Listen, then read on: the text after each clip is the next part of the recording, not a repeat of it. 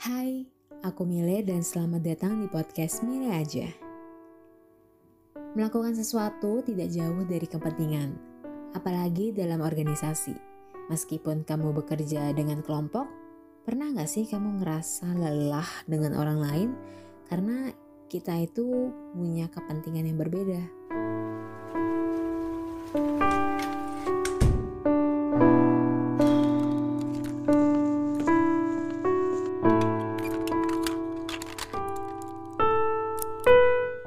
Kisah dan cerita hanya di podcast Mile aja. Sejak aku SMA, aku sudah memiliki pengalaman beberapa organisasi. Dari sini aku jadi tahu bahwa ketika kita dalam berkelompok, kita harus menyatukan tujuan dan menekan ego masing-masing. Namun, di saat aku kuliah, aku merasa ada beberapa hal yang berbeda Aku melihat kalau ada orang yang menaruh ego di balik kepentingan kelompok itu sendiri. Banyak orang dan mungkin salah satunya juga aku. Perilaku ini, ego ini, tampak karena pertama adalah kita punya kepentingan masing-masing dan kepentingan itu nggak jauh dengan kehidupan kita yang berbeda.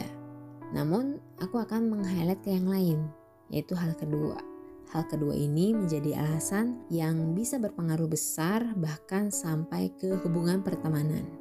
Tidak lain tidak bukan adalah mas masalah prestise, gengsi, ingin mendapat banyak jabatan atau mereka bahkan tidak berpikir jangka panjang sebenarnya.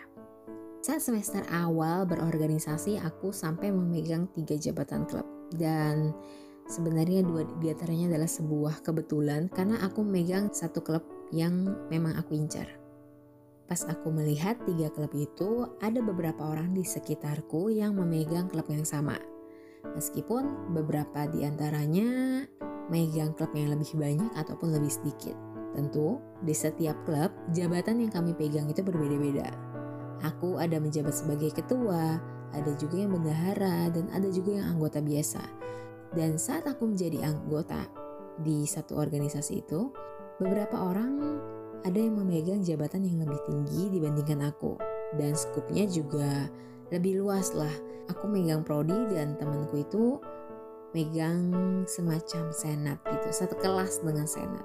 Salah satu karakterku yang menjadi keunggulan sekaligus yang jadi dijengkelkan oleh orang lain adalah ketika aku memegang tanggung jawab, aku akan melakukan hal itu dengan hasil semaksimal mungkin dan kalau bisa yang terbaik. Ini sebenarnya bagus, tapi bisa juga membebani orang lain. Karena belum tentu semua orang bakal kayak aku yang bisa melakukan dan memaksimalkan segala sesuatu. Kenapa aku bisa bilang ini juga meresahkan orang-orang? Karena usahaku untuk mencapaikan sesuatu yang maksimal gak bisa tuh diimbangin oleh semua orang. Mereka butuh waktu yang berbeda dan aku menyadari itu butuh proses dan aku bener-bener oh tahu soal ini tuh tiap orang benar-benar beda dan gak bisa dipaksain itu setelah aku selesai megang jabatan. Aku jadi tahu kalau misalkan orang-orang itu punya prioritas yang mempengaruhi tanggung jawab mereka.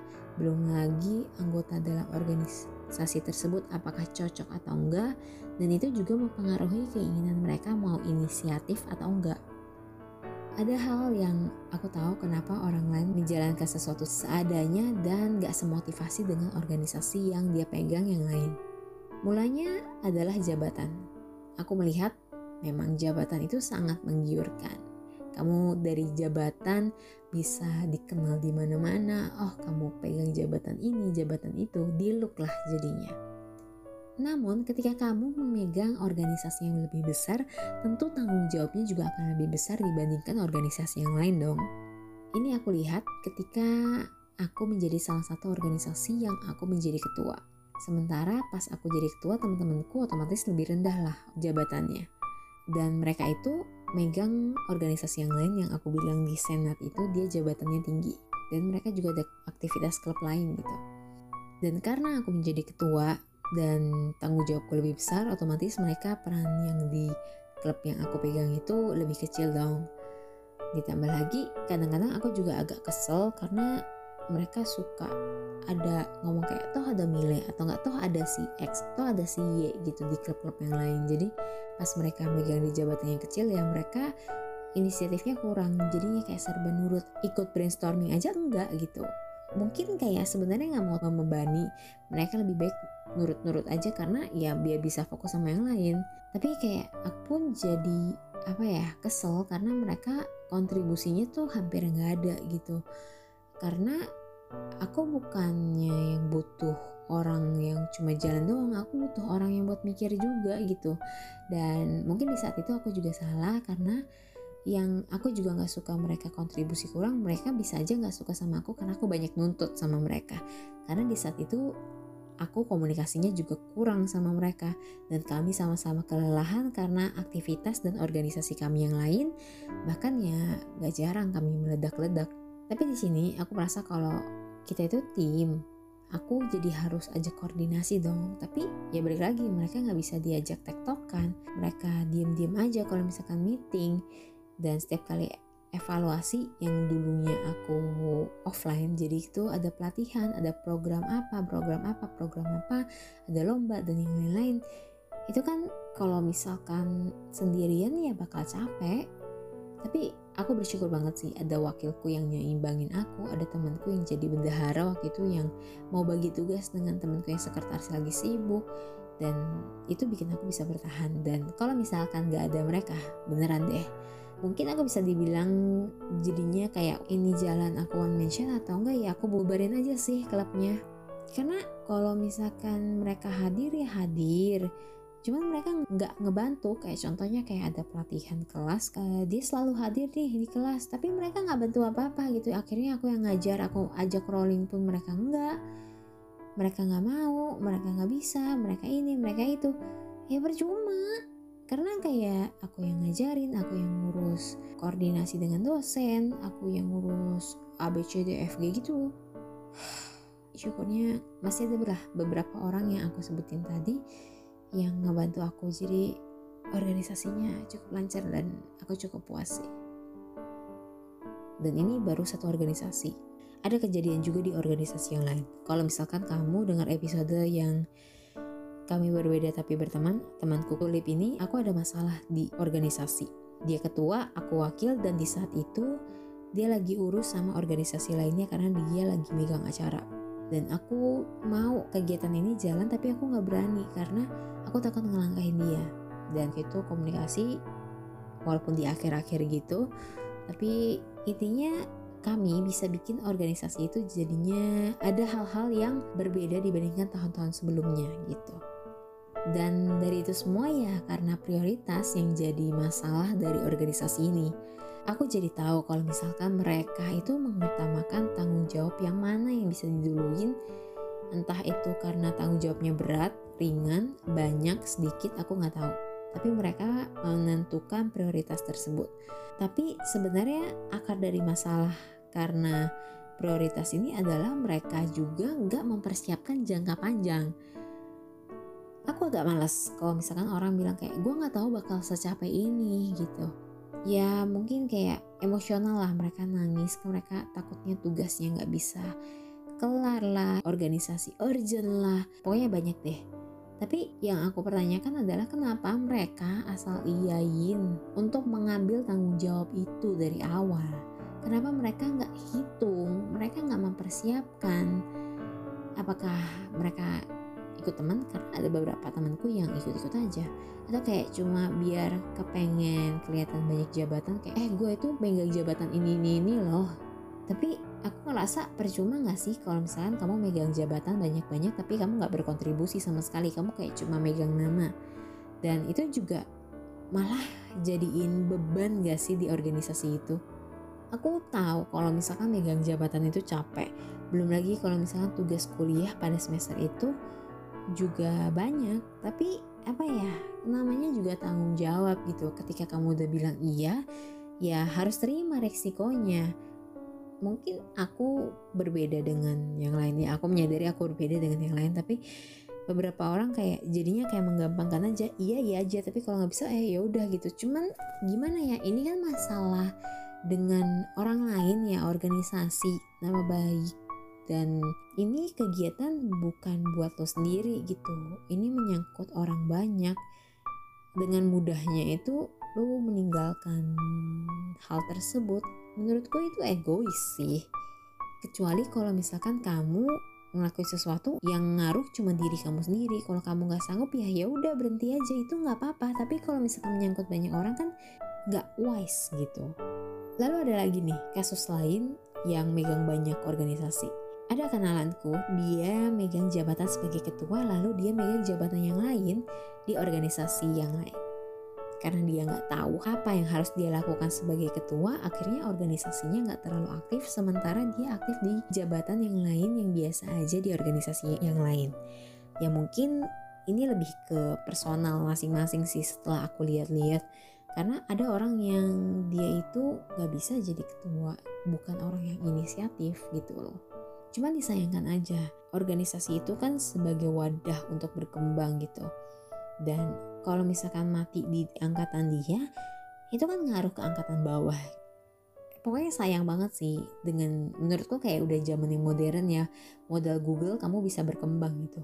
Mereka dengan bilangnya bingung harus ngapain dan ketika mereka bingung mereka nggak mau usaha kenapa nggak diusahain aku tahu pasti bakal ada hal yang harus dihadapi itu pasti berat banyak cobaan tapi itu layak untuk dicoba loh, layak untuk diusahakan apalagi kamu menjabat peran yang besar. Aku tahu sih semua orang gak bakal kayak aku, tapi aku harap itu kamu yang megang jabatan itu, kamu bisa belajar.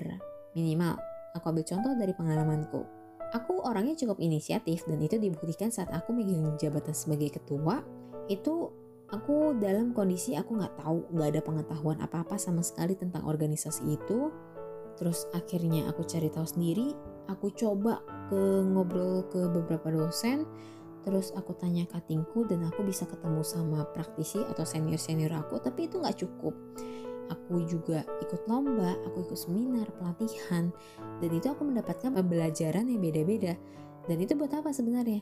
Aku bertujuan biar dapat ilmu biar bisa mengajarkan ke maba-maba dan generasi selanjutnya biar ada penerus lah yang cukup oke okay, biar bisa jalan terus organisasinya nggak mati. Dan aku itu berperan loh dalam perkembangan klub ini. Apalagi aku bilang iya oke okay, aku jadi ketua dan ya bonusnya mungkin kayak aku jadinya dibilang passion banget lah aku dibilangnya jago banget lah. Ya walaupun mereka nggak lihat prosesku gitu. Ya tapi setidaknya itu jadi penanda kalau misalkan aku cukup kredibel lah di bidang ini. Dan kalau semisal ngomongin soal tanggung jawab, aku cukup bangga sama seluruh organisasi yang aku pegang. Aku bisa menjalankan tugasku secara maksimal, tugas kuliah tentunya, dan itu dibuktikan dengan IPku, IPku 4 di semester itu.